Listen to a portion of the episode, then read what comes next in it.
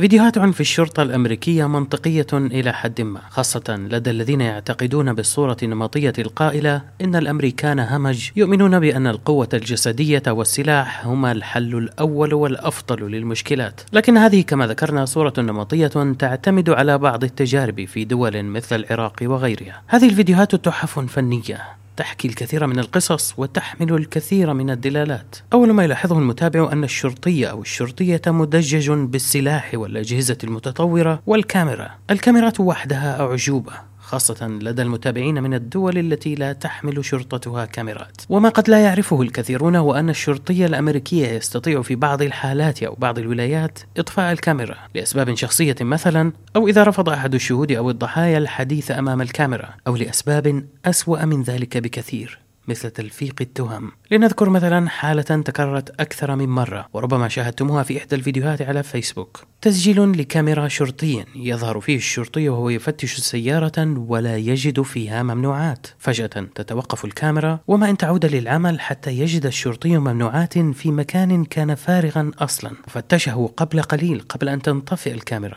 إحدى المرات التي حدثت فيها هذه القصة كانت في مدينة نيويورك حيث وجدت تحقيقات صحفية أن شرطيا ألقى بممنوعات في سيارة كان قد فتشها ولم يجد فيها شيئا. الشرطي لم يعاقب على فعلته واكتشفت التحقيقات التي ذكرتها أنه كرر فعلته مرة أخرى. ألقى بممنوعات في سيارة كان قد فتشها ولم يجد فيها شيئا. وإذا تساءلتم كما تساءلت كيف يفلت الشرطي بهذه الجريمة؟ تلفيق تهمة لشخص بريء من هذه التهمة على الأقل. الجواب المختصر هو أن زملائه وجهاز الشرطة متواطئون معه ولا يشهدون ضده، وحتى مركز الشرطة الذي يعمل فيه ما أن ينظر في المسألة أو يحقق فيها حتى يخرج في الغالب بأن الشرطي لم يرتكب أي خطأ، بل إن أي شرطي يشي بزملائه يعاقب عقابا شديدا ويصير منبوذا داخل القسم وقد يصل به الأمر إلى أن يفصل في وظيفته أو أكثر من ذلك بكثير. جهاز الشرطة بحد ذاته يستحق الكثير من التأمل، سواء في أمريكا أو في أي مكان آخر. كنت قد تحدثت في وقت سابق عن أصل جهاز الشرطة في مدينة شيكاغو الذي استنسخته الكثير من الولايات الأمريكية، كيف أنه لم يتأسس لحفظ الأمن ومكافحة الجريمة،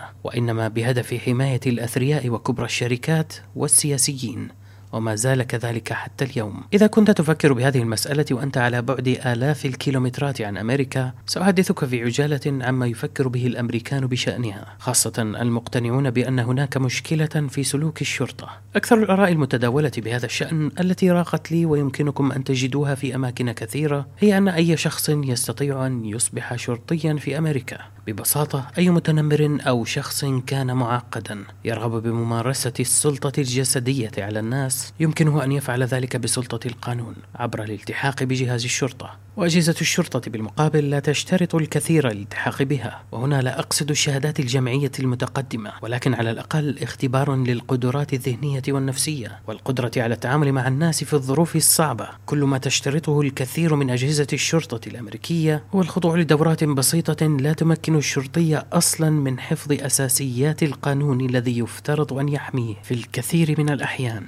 والفيديوهات المنتشرة على الإنترنت خير دليل. حين يحاول الناس إقناع الشرطي بمحتوى القانون يبحثون أحيانا في جوجل ليقرأوه عليه. والشرطي بدوره قد يفاجأ وربما يعاقب الشخص الذي قرأ له القانون لأنه تجرأ وادعى أنه أكثر فهما منه. وفي حالات أخرى وجدنا أشخاصا طبعوا نسخا من القوانين التي تهمهم. مثل شخص كان يقود سيارة فارهة عليها لوحة معرض السيارات طبع القانون الذي يحكم لوحات سيارات المعارض ليريه لأي شرطي يوقفه. المقتنعون بأن هناك مشكلة لدى الشرطة الأمريكية خاصة على يسار المشهد السياسي يبدو أنهم منقسمون بين من يدعون إلى وقف الدعم المالي عن أجهزة الشرطة بالكامل لعدة أسباب من بينها أن أجهزة الشرطة لديها ميزانيات تقارب ميزانيات الجيوش وهي لا تحتاج إلى هذه الميزانية. أما الفئة الثانية فدعت إلى دفع المزيد من المال للشرطة لمساعدتها في مكافحة الجريمة. هذه الفئة ينتمي إليها الرئيس الأمريكي جو بايدن. لكن هناك حلا أفضل ربما يكمن في تخفيض ميزانيات الشرطة وإعطاء المال الذي سيفيض من ذلك إلى الخدمات الاجتماعية التي من شأنها أن تحسن وضع الفئات الفقيرة وتقلل من احتمالية حدوث الجرائم وبالتالي تقلل الحاجة إلى الشرطة أو تقلل الحاجة إلى المزيد من تمويلها. هذا أحد الموضوعات التي أتابعها منذ فترة في المسلسلات والأفلام وال social media خاصة فيديوهات عنف الشرطة. لذلك أردت الحديث عن بعض ملامحه وربما أتحدث عنه أكثر في فيديو آخر.